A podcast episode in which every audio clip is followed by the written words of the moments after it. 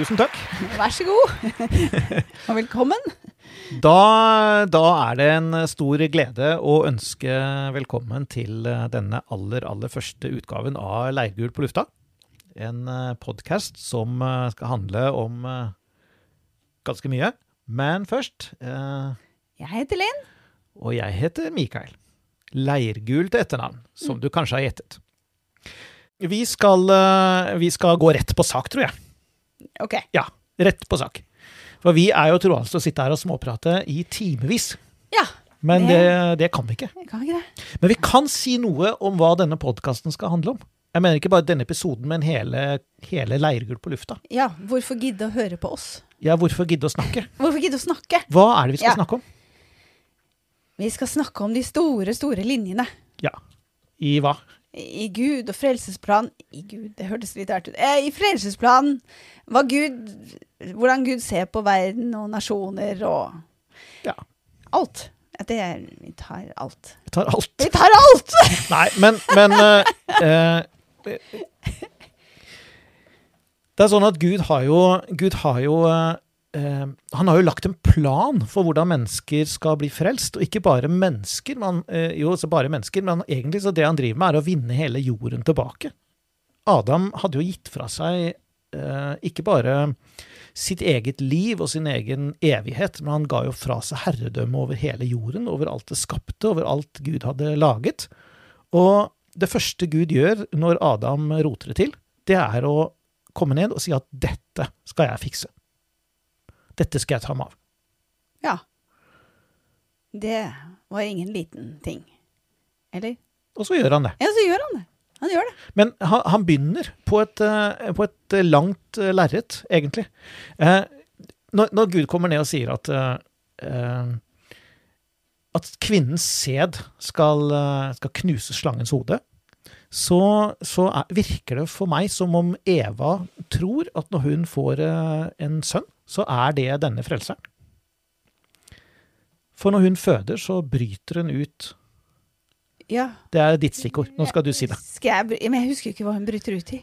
Jeg husker Så jeg har ikke det fått en sønn ved Herren, ja, jeg har fått en sønn ved Herren, sier hun. Ja, sånn var det. Så det høres ut som, eh, det høres ut som hun eh, tenker at nå, nå, er denne, nå er denne mannen kommet som skal knuse slangens eh, hode. Ja, det tror hun.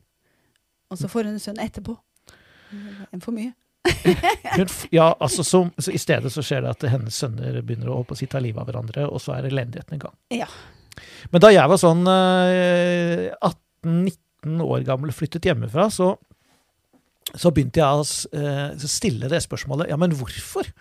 Hvorfor kunne ikke Jesus komme født av Eva? Jeg syns det var et godt spørsmål. Det er et godt spørsmål. Hvorfor måtte det gå liksom 4000 år med menneskelig lidelse og elendighet før eh, Jesus kunne komme? Før Frelseren kom? Ja, Hvorfor i huleste? Hvorfor i Det huleste? høres ikke bra ut. Og da, vet du hva jeg gjorde da? Da, da kjøpte jeg, gikk jeg på en bokhandel, og så kjøpte jeg eh, en bunke med millimeterpapir i A3-størrelse. Og så limte jeg sammen en lang rekke med millimeterpapir, så den ble sju meter lang. Jeg tror vi har den et sted nå. Vi har den et sted nå. Og så, og så lagde jeg en sånn tidslinje midt på de arkene. Uh, en strek bortover, og så sa jeg at ok, én millimeter er ett år. Så sju meter, det ble da 7000 år. Ja. Ja. Og så uh, Så begynte jeg å tegne, da. Sant? Og jeg bodde, på en, jeg bodde på en hybel som var med, eh, Stua var tre ganger tre meter. og der hadde jeg en, en sånn rull på sju meter som jeg skulle skrive på. Det, det går oppover veggene! Så når jeg, når jeg, eh, når jeg leser om bokruller og sånn, så vet jeg akkurat hva, hva de mener. Rullet fram og tilbake med den her. Men det jeg gjorde, da, det var at jeg satte meg ned, og så leste jeg fra første Mosebok. Og så fant jeg absolutt alle skriftsteder etter hvert som de dukket opp. Eh, alder, årstall, tidsangivelser. Og så plottet jeg det inn på den sju meter lange greia mi. Ja, det er veldig fascinerende. Ja, og så, det tingen er at jeg trodde jeg var den første i verden som kom på det, vet du. så, så jeg Jeg syns jeg var helt genial. Og jeg jobbet meg framover, og, så- og så skjedde det at jeg kom til, kom til dommernes bok, og der fikk jeg, ikke til å, jeg fikk det ikke til å gå opp. Så jeg blei så frustrert. Jeg tenkte jeg, jeg får ikke Bibelen til å gå opp. Disse to linjene som gikk bortover, stemte ikke overens. Og kongene i Nordrike og Sørrike, jeg fikk det ikke til å stemme. Og til slutt så blei jeg så frustrert at jeg tenkte jeg, jeg har ikke, troen min har ikke råd til dette her. Så jeg, jeg tok hele rullen og la den vekk, da. Senere så oppdaget jeg at eh, folk har gjort dette her i, i alle år, vet du, og lagd tidslinjer av Bibelen. Så, men jeg visste ikke det. Men, men det jeg var på jakt etter, da Jeg var på jakt etter eh, Jeg var på jakt etter å forstå Guds frelsesplan. Det var agendaen min. Hvorfor måtte Jesus komme? Hvorfor kunne han komme? Hvorfor kunne han ikke komme før? Hvorfor kom han akkurat da han kom? Og alle de spørsmålene der.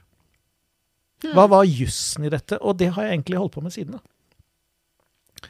Og noe av det, noe av det vi, vi etter hvert så begynte vi å studere dette sammen. Og sånn. Og noe av det skal vi snakke om eh, i denne podkasten. Ja. Og mer konkret da, så er det sånn at en del av denne frelsesplanen handler om rett og slett om nasjonen. Vi, vi har et veldig fokus på, på individet. Vår, eh, vår vestlige forståelse av kristendom og evangeliet er veldig preget av kulturen vår, som er ekstremt individualistisk. Veldig, veldig. Og så ser du eh, noen dryppevis inne, og Gud snakker om eh, eh, nasjonene eh, i, i, i Han står stille. Første Mosebok 10 og 11 eh, om de forskjellige nasjonene. Og, og der ble den nasjonen til. Og, den. og så tenker vi at det bare er liksom bakgrunnsbildet, men ingenting i boka er jo tilfeldig. Det er jo et eller annet mer med disse nasjonene, og eh, mer med alt rundt oss. Ja, og misjonsbefalingen er jo faktisk å gå ut og gjøre alle folkeslag, eller etniske grupper, eller nasjoner om du vil, Ja. til disipler. Det, det er egentlig ikke nevnt individer der, selv om evangeliet må tas imot av individer. Det må jo gå ned på individnivå, men eh, Og så står det Jesus sier at han skal skille geitenasjoner og sauenasjoner, og det er et eller annet her. Det er et eller annet der vi glemmer å snakke om. Ja.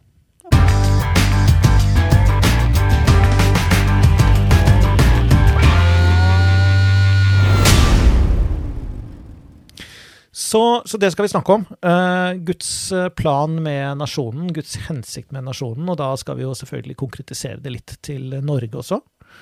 Um, men la oss uh, slå fast en ting først, og det er at Gud, han, han stiller seg ikke på sidelinja og bare forholder seg til de som tar imot ham.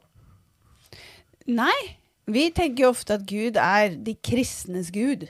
Den kristne guden, og så har du eh, det buddhistiske gudeverden, og så har du muslimenes uh, gud, Allah. Men uh, Gud sier at han er alles gud. Så fører alle veier til Roma likevel.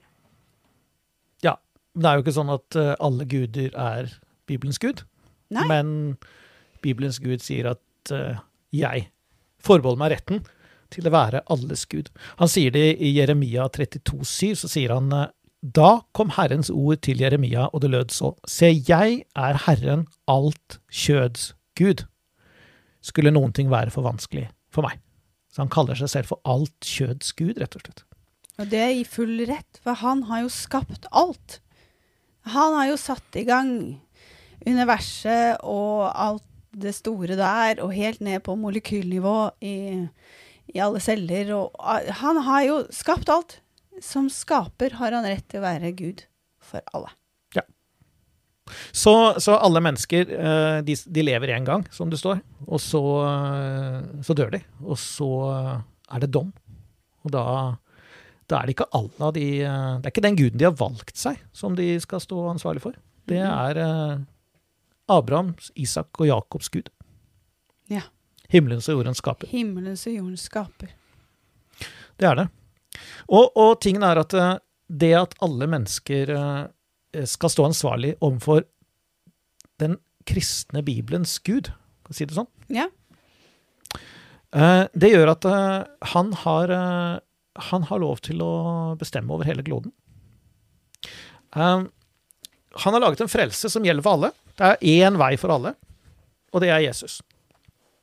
Det er egentlig sånn at uh, vi er i samme situasjon som Noah var. Uh, da han drev og bygde på en ark. Ja. Yeah. Det, Det står egentlig at han, ja, Noah forkynte evangeliet.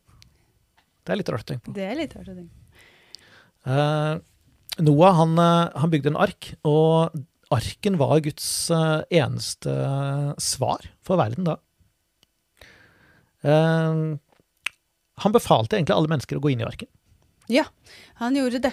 Han ville jo egentlig at alle skulle uh, bli frelst da òg, men han fant bare én mann som var rettferdig, og hans familie. Men alle kunne ha vært med sånn i prinsippet. I prinsippet så tror jeg nok alle kunne fått lov. Hvis de hadde vendt seg om. sant? Det hele, hans hjerte er jo uh, å vende seg om til han. At, at han får lov å være Gud. Eh, Mm. Men når man snur ryggen til, så ikke gidder å høre på. Men Gud hadde ett svar, han, og det var arken. Ja. Han hadde ikke noe svar utenfor arken. Nei, og bare én dør. Og bare én dør, faktisk. Bare én dør inn i arken. Mhm. Bare én dør i arken. Og det, det, var, det, det vi ofte gjør, vet du, det er at vi, vi leter etter løsninger utenfor arken. Altså Jesus, Jesus er eh, Guds eneste svar. Jesus er eh, den redningen som Gud har laget. Det er, det er det som er hans svar. Det er sant. Det er forsoningsverket. Det er Jesus. Og eh, tingen er at har, Gud, har, Gud har ikke noe svar utenfor Jesus. Vi, vi, har en, eh, vi har en tendens til å tenke at eh, ja, men eh, jeg vet at jeg vet at ved Jesus sår har jeg fått legedom, men det forholder jeg meg ikke til. Så Gud, hvordan skal vi organisere helsevesenet? Hun går rett i strupen på den med en gang. Ja, ja, eller altså, jeg vil være din forsørger. Ja, jeg vet det, Gud, øh, men øh, jeg må gå til banken. Og så videre sånn. Ja, så videre. Så leter vi etter svar på en måte utenfor forsoningsverket, utenfor arken. Og det er omtrent som om folk på Noas tid skulle gå og søke Gud for hvordan de skulle anlegge hagen sin utenfor arken. Når Gud hadde sagt at nei, nei, det her, alt dette forsvinner, nå må dere inn i arken, for det er min redning. Sant? Det er forresten interessant om arken. da. Det står eh, i min bibel at, eh, at eh, Gud sa til Noah gå inn i arken, du og hele ditt hus, og så at Gud stengte døra igjen. Men hvis du går inn på grunnteksten, på hebraisk, så står det ikke 'gå inn i arken'. Det står 'kom inn i arken'. Aha. Aha, det forandrer alt, vet du. Kom inn i arken, sier Gud til Noah. Kom inn i arken, og så går Noah inn i arken, og så stenger Gud døra. Kom inn i arken. Så Gud var med i arken. Men det var en parentes. Ja, det er jo litt sånn det er, litt sånn, det er jo det Jesus sa. Kom til meg, alle dere som tørster og bærer, så skal jeg gi dere hvile. Og ingen kommer til Faderen uten ved meg.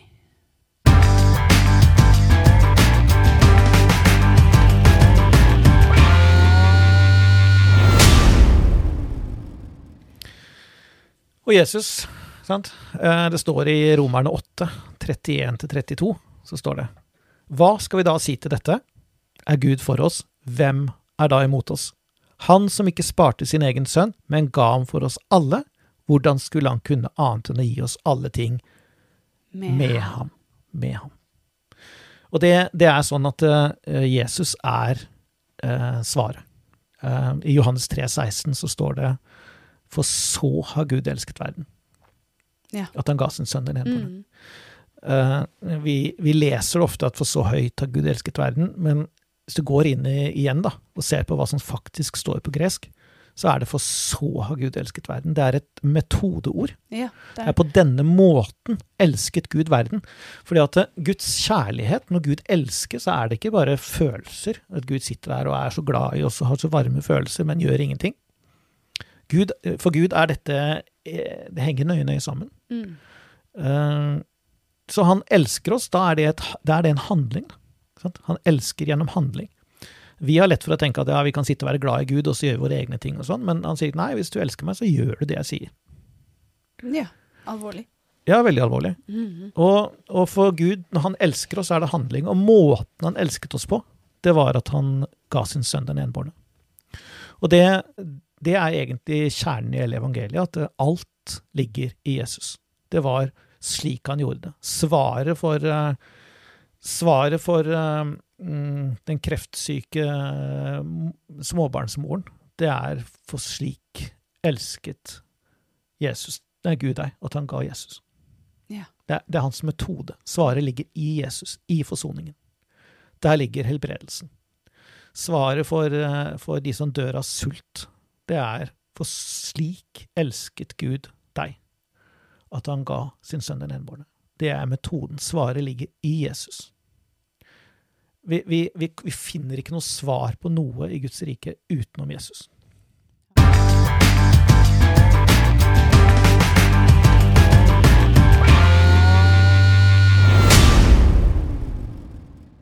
Det er derfor det er sånn at hvis ikke vi, hvis ikke vi som kristne forkynner så de kan få tro, så går de fortapt. For det er ingen annen vei. Det er ingen annen vei til noe av det Gud gitt. Det er Guds ark, og det er bare i arken at frelsen ligger. Så det som er greia, da, det er at Gud han, han sier at jeg, jeg er alt kjøds Gud. Jeg har rett til å dømme hele verden. Men jeg har gjort en frelse klar. Jeg har, jeg har laget en vei ut av elendigheten, og det er Jesus. Og så går han ett skritt lenger. Ja. Og det er å Nei, hva? det var ditt stikkord, vet du, Linn. Han går ett han, går ett, han går ett skritt lenger, og det er at han, han befaler alle mennesker å vende om. Stemmer det. Sant? Stemmer det. Mm, han, det står det. Det står det. Evangeliet er egentlig ikke frivillig. Sånn egentlig. Det er frivillig i den forstand at du er nødt til å velge det, du er nødt til å akseptere det gjennom et fritt valg.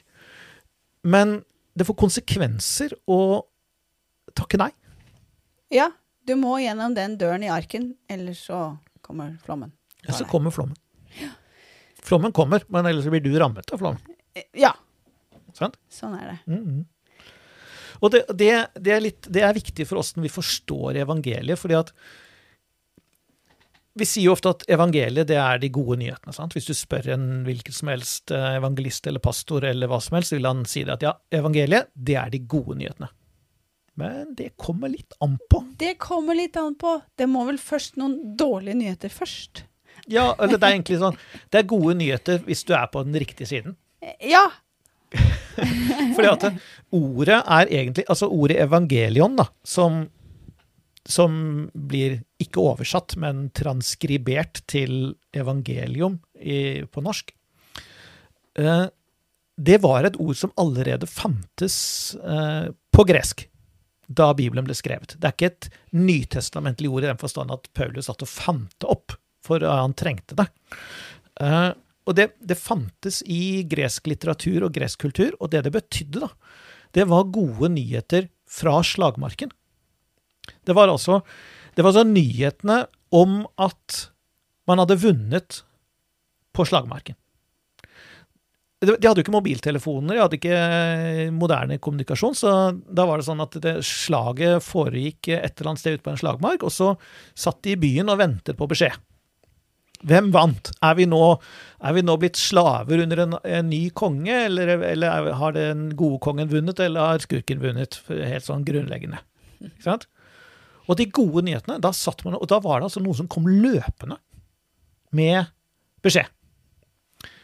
Man kom beinene, vet du. Ikke sant? Med, med, med, budskap om hva som hadde skjedd. Og da var det enten skikkelig dårlige nyheter, nemlig at oh, oh, våre fiender har vunnet, og nå blir vi underlagt en, en, en ond og slem konge, liksom. Eller så var det fantastiske nyheter om at den gode kongen har vunnet. Vi er seierherre, dette er bra. Ett av to. Og hvis det var gode nyheter, da var det evangelion. Ok. Mm. Og da var det sånn at når, når, man da Så da blir det sendt herolder ut over hele landet for å bekjentgjøre den nye kongen, da, hvis det, var, hvis det var en konge som hadde vunnet. Og da var det sånn at alle var nødt til å eh, anne, eller underkaste seg den nye kongen, egentlig. Og eh, hvis ikke, så må man ta konsekvensene. Da var man egentlig, da satte man seg selv utenfor alle ordningene. Man satte seg selv utenfor kongens beskyttelse, man satte seg selv utenfor kongens forsørgning. Man satte seg selv helt utenfor og var egentlig fredløs i skogen. Sant? Ja, jo. Mm. Og det er egentlig det vi skal gjøre da, når vi forkynner evangeliet. Det er egentlig det vi gjør. Vi er herolder som går ut på gata og sier tutti-tutti-tu. Og at nå, ja. Ja, nå er det, det er en ny konge. Det er ikke lenger Satan som er konge i denne verden. Det er Jesus. Det er evangeliet. Derfor er det fantastiske nyheter. Hvis man er villig til å bøye seg. Hvis man er villig til å ta imot. Og akkurat nå så er vi inne i en, en periode i verdenshistorien hvor, hvor man har anledning til å ta imot. da, ikke sant? Man har anledning nå til å ta imot evangeliet fritt og vedle, uten vederlag og bli en del av det riket som kommer senere. Ikke sant? For Jesus kommer jo og setter opp sitt rike fysisk det på blir jorda. et fysisk rike. Sant? Og nå er eh, tiden inne for å velge om du vil være med i det riket, eller om du vil eh, være utenfor. Veldig utenfor blir det, faktisk.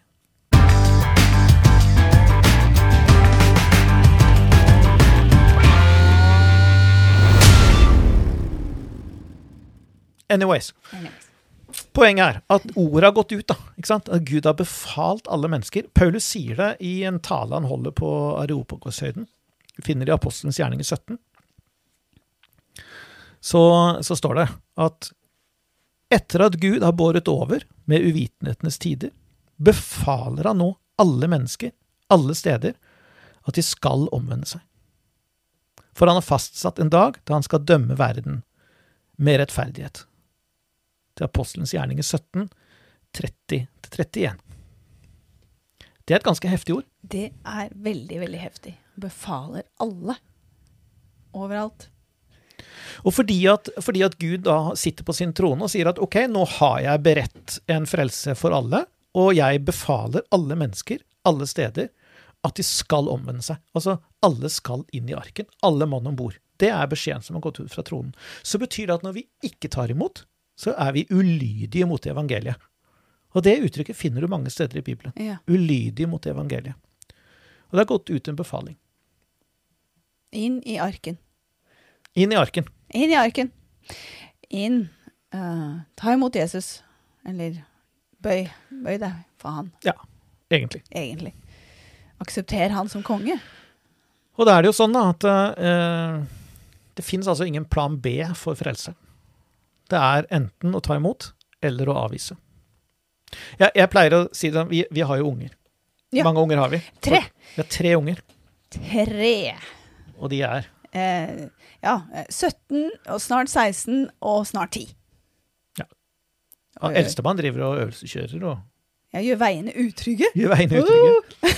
Med en nervøs, lettere nervøs far eh, som sitter ved siden av og forsøker å se rolig ut.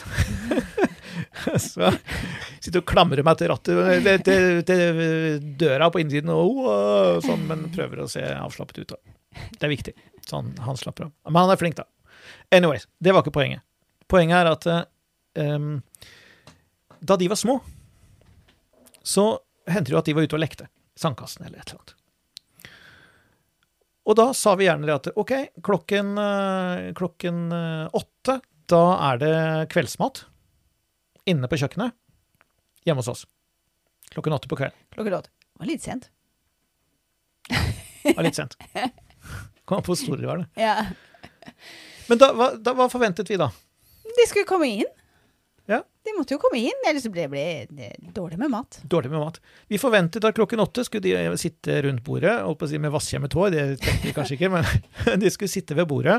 Og da skal de være vasket på hendene og klare, og der var maten. ikke sant? Der var vår forsørgning.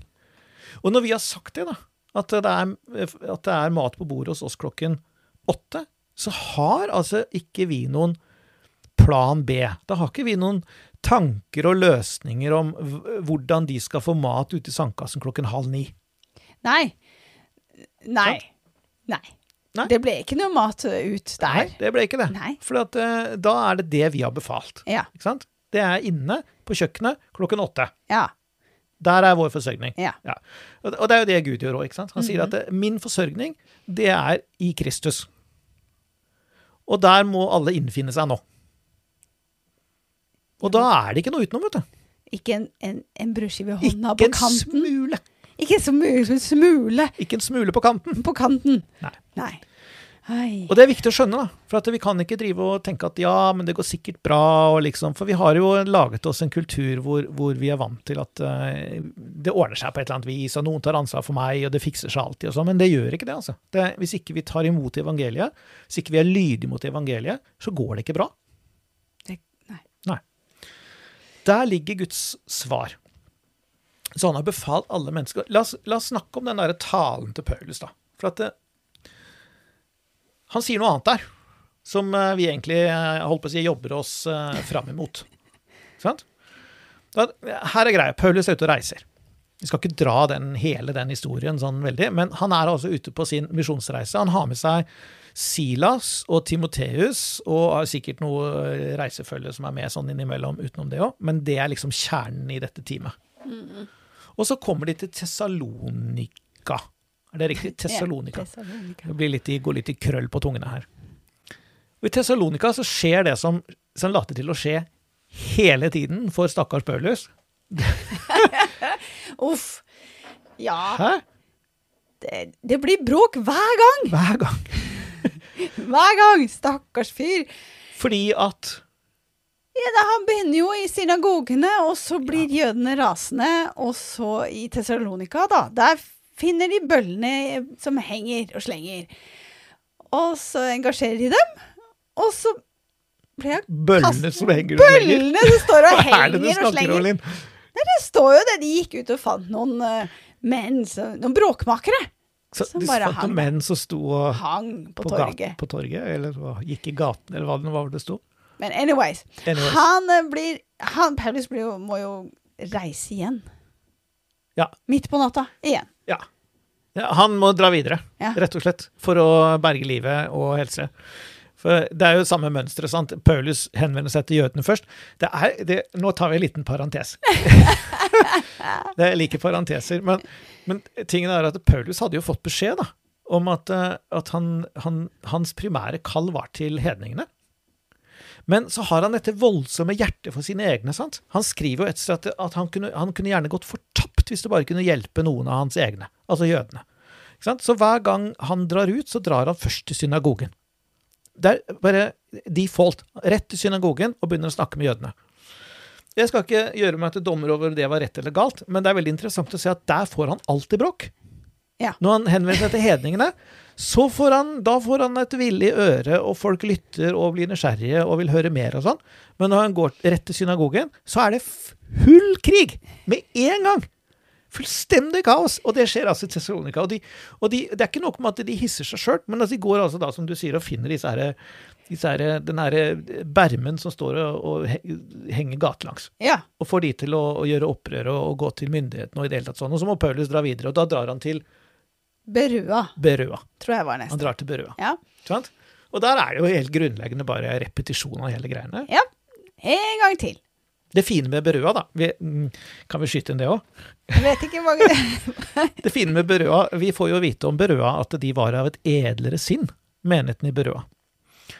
Fordi at eh, de lyttet med et åpent hjerte, ikke sant? Og, og var positivt innstilt og ønsket å høre det som Paulus hadde å si. Men de gikk også hjem og sjekket i skriftene om det virkelig forholdt seg slik. Og det kaller Bibelen at de hadde et edlere sinn. Og det må vi jo forte oss å si at hvis, hvis du sitter og hører på, på denne podkasten, og vi sier et eller annet som du syns var veldig rart, så må du ikke tenke at ja, men de har sagt det, så da er det greit. Og du må heller ikke tenke at nei, de skal jeg aldri høre på, for de sier bare tull. Nei, Berua, de, de, de lyttet med et åpent sinn, men så sjekket de om det forholdt seg slik. Og for å hjelpe litt til, da, så skal vi prøve så godt vi kan, å ikke bare referere til bibelvers, men faktisk lese dem så ofte vi kan. Vi gjør et forsøk på det, da. Ja, selv om det er lett å bare begynne å referere til skriftsteder, sånn, så, så er det greit å vite det hvor ting står, og sånne ting.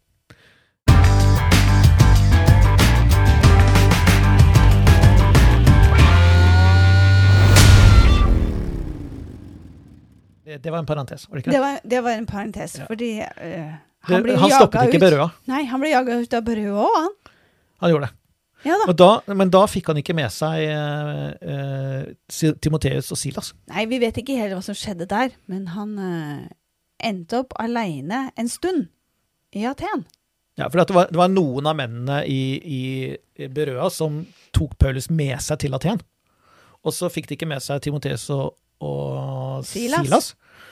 Og så dro de tilbake for å hente Timoteus og Silas, Ja. disse mennene. Og mens de gjør det, det er jo ikke sånn at de bare at de satte seg på en, eh, i en bil og kjørte, så alt tok litt tid. Og mens de gjorde det, så var Paulus helt alene igjen i Aten. Og gikk der og vimset og var litt turist, rett og slett. Ja. Ja. Og, og han kikket rundt og, og ble litt uh, litt arg. Han ble opprørt. Han ble opprørt. Sant? Han var jo Hadde jo en mann med et oppdrag. Og han eh, gikk rundt og kikket på alle disse statuene og gudene og skjønte at her var det mye surr. Men så fant han én gud, da, hvor det sto eh, 'til en ukjent gud' Ja. i en sånn statue. Og da, da var evangelisten der med en gang, vet du. Og så sier han det at «Øy, nå skal jeg fortelle dere om han ukjente guden. Så er, og så begynner han å snakke om evangeliet og alt mulig sånn. Og så, og så ender det med at han blir ført opp på Areopagos-høyden, som det heter så fint. Til eh, filosofene i Aten. Der satt de kloke hodene og tenkte sine dype tanker og reflekterte over eh, verden og religion og sånn, og de ville gjerne vite hva slags ny forkynnelse som var kommet til byen, og ha litt kontroll på det. Så Paulus han blir da tatt med opp, som det står. Jeg skulle til å si invitert, men det står egentlig tatt med opp på Areopagos-høyden. Og og så begynner han å holde denne talen som er så berømt, da, som vi finner i eh, Apostelens gjerninger 17. Uh, og det var det vi leste fra i sted, at Gud har befalt alle mennesker alle steder å omvende seg. Men uh, han sier noe annet her, som er veldig interessant. Og jeg tar på meg disse her? Briller. Så sier han da, om Gud når han holder denne talen. Apostelens gjerninger eh, 1725 leser jeg fra nå. Heller ikke lar han seg tjene av menneskehender som om han trengte til noe. Gud, altså. For det er han selv som gir alle liv og ånde og alle ting. Og der er han jo egentlig litt grann dristig, da. Ikke sant? Fordi eh, han sier at eh, det er denne guden som har gitt alle liv. Altså også grekerne, som trodde at de hadde sine egne guder som de henvendte seg til. Sant? Da har han forresten akkurat sagt at han ikke bor i templer som er bygd med hender. Det sa han i verset før. Midt i et tempel. Og der sto han vet du, med utsikt over alle templene som var rundt i byen. Og sånn. Ja. Og så sa han det at ja, men du skjønner at Gud, han egentlig guden, han eh, bor ikke i templer. Og det er forresten han som har gitt dere liv, alle sammen.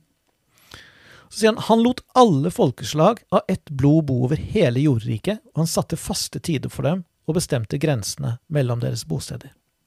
Alle folkeslag. Så her, her sier egentlig Paulus at eh, Gud, han lagde nasjonene. Han, han lagde ulike folkeslag, og så han, satte han grenser for dem.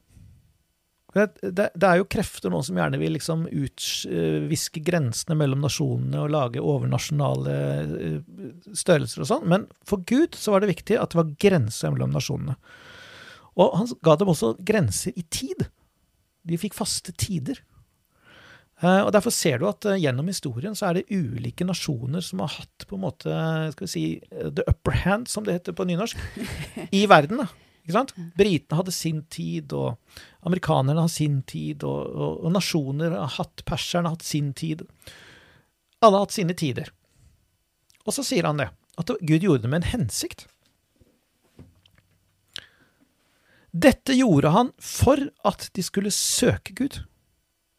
Om de kanskje kunne føle ham og finne ham, enda han ikke er langt borte fra en eneste en av oss. Så Gud, han skapte nasjonen, og så gjorde han det med en hensikt. Helt klart definert hensikt. Og det var at mennesket skulle søke Søke ham, og så skulle de føle ham og finne ham. søke, føle, finne. Søke, føle, finne. Ja. Ja. Søke, føle, finne. Mm. Wow. Det, det er hensikten Gud har med, med nasjonen. det er at de skal søke han. De skal søke Gud. Og så skal de føle han. De skal få en, en eh, erfaring med Gud. De skal smake og kjenne at Herren er god. De skal, de skal føle på kroppen at, eh, at Gud uh, fins, og hvem han er, og bli kjent med han. Og slik så skal de finne han. Og det betyr at uh, det Gud er ute etter, det er at alle nasjoner, de skal, de skal være slus, de skal være sånne trakter som sluser mennesker inn til Gud og inn til frelse. Det er hans hensikt med nasjonen. Og siden det er han som har laget nasjonen, så har han altså full rett til å definere hensikten til nasjonen. Og det er hans fulle rett å vurdere om en nasjon er vellykket eller ikke.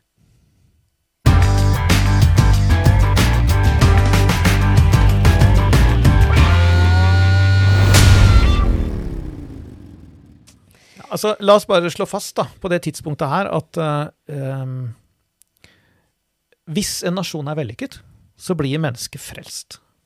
I hopetall. De kommer til Gud i hopetall. Generasjoner på generasjoner bare strømmer til Herren, for å si det sånn. Det er, uh, det er hensikten med nasjonen. Og siden det er hensikten, så er det det Gud måler nasjonen imot. Det er uh, selve eksamen det er, eh, det er, om det skjer eller ikke. Ja, nå lager du sånn grimase. Ja, Fins det egentlig noen nasjon som da når ja, opp? Det gjør det. Eh, det, det fins nasjoner som eh, når opp, faktisk. Det er eh, steder i verden hvor det er vekkelse og innhøstning. Eh, det skal vi komme tilbake til. Men akkurat nå så kan vi jo se på Norge, da. Eh, for vi, vi har jo Vi roser oss av år for år at vi Eh, vi kåres av FN til verdens beste land å bo i. Den såkalte levekårsundersøkelsen. Vi, vi scorer på topp igjen og igjen og igjen. Ai, ai, ai. Og det er vi stolte av, vet du. Ja, det er best å være norsk. Eller hva var det Gro Harlem Brundtland sa? Det uh, det er typisk norsk å være god. Typisk norsk å være god. Sånn ja. var det det var. Ja.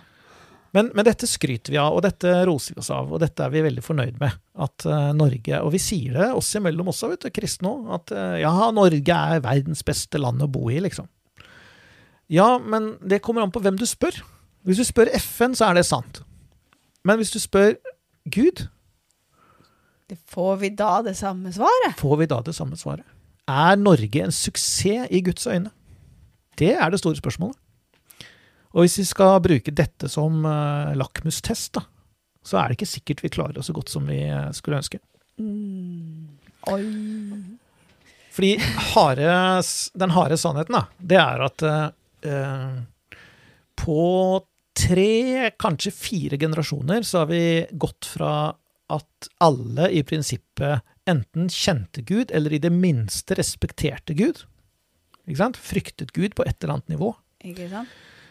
til å være der hvor folk ikke lenger uh, velger bort Gud bevisst, fordi de vet nesten ikke om han lenger. Vi har altså forlatt hans Vi har gått så langt at vi uh,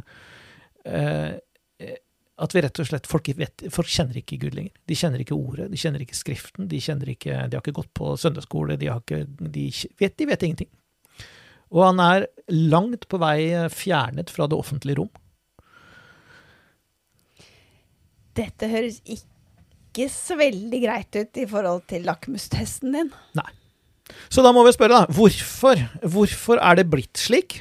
Det skjer jo ikke bare av seg selv. Det er noen som bruker tiden som argument. Ja, men det er i 2021 så sånn og sånn og sånn. Men tiden er ikke noe argument i seg selv. Mm -mm. Det, tiden er bare det rommet ting skjer i. Og hva er det som har skjedd på disse generasjonene? Det skal vi snakke om uh, i denne podkasten. Uh, hva skal vi gjøre for igjen Norge, for at Norge igjen skal bli en suksess i Guds øyne. For at Norge igjen skal bli en nasjon hvor mennesket søker Gud, føler Gud og finner Gud. Hva skal til? Hva skal til? Og det, svaret er ikke så vanskelig, skjønner du. Det er egentlig ikke så vanskelig. Vi må bare vite om det. Ja. Vi må bare bli oppmerksomme. Vi må lese Skriften, og så får vi svarene. Og vi skal begynne fra en kant. Vi skal begynne allerede i neste uke skal vi gå løs på materien. Men dette er det vi skal snakke om. Og hvis du har eh, spørsmål eller kommentarer på noe som helst nivå, så tar vi gjerne imot det. Du er hjertelig velkommen til å eh, sende spørsmål. Hvilken e-post sender man det til da? Da kan du sende det til eh, podcast at sjufjell.no. .no, faktisk. Dot .no. Ja. det er ikke som man sier det, da. .no. Dot .no. Ja. Punktum .no. Podcast at sjufjell.no hvis du vil uh, uh, vite mer om uh, Sju fjell som uh, lager denne podkasten. Så går du inn på sjufjell.no. Ja. .no. .no. Ok, da sier vi rett og slett eh, takk for denne gang. Og så eh, kommer vi eh, tilbake om en uke Ja. med podkast nummer to. Da Da med en vi- liten bit. Det var veldig stort tema. Og nå har vi tegnet opp det store bildet. Da skal vi begynne å se på materien helt konkret. Det Så blir da, det blir gøy. Det blir gøy. Da snakkes vi. Ha det godt. Ha det.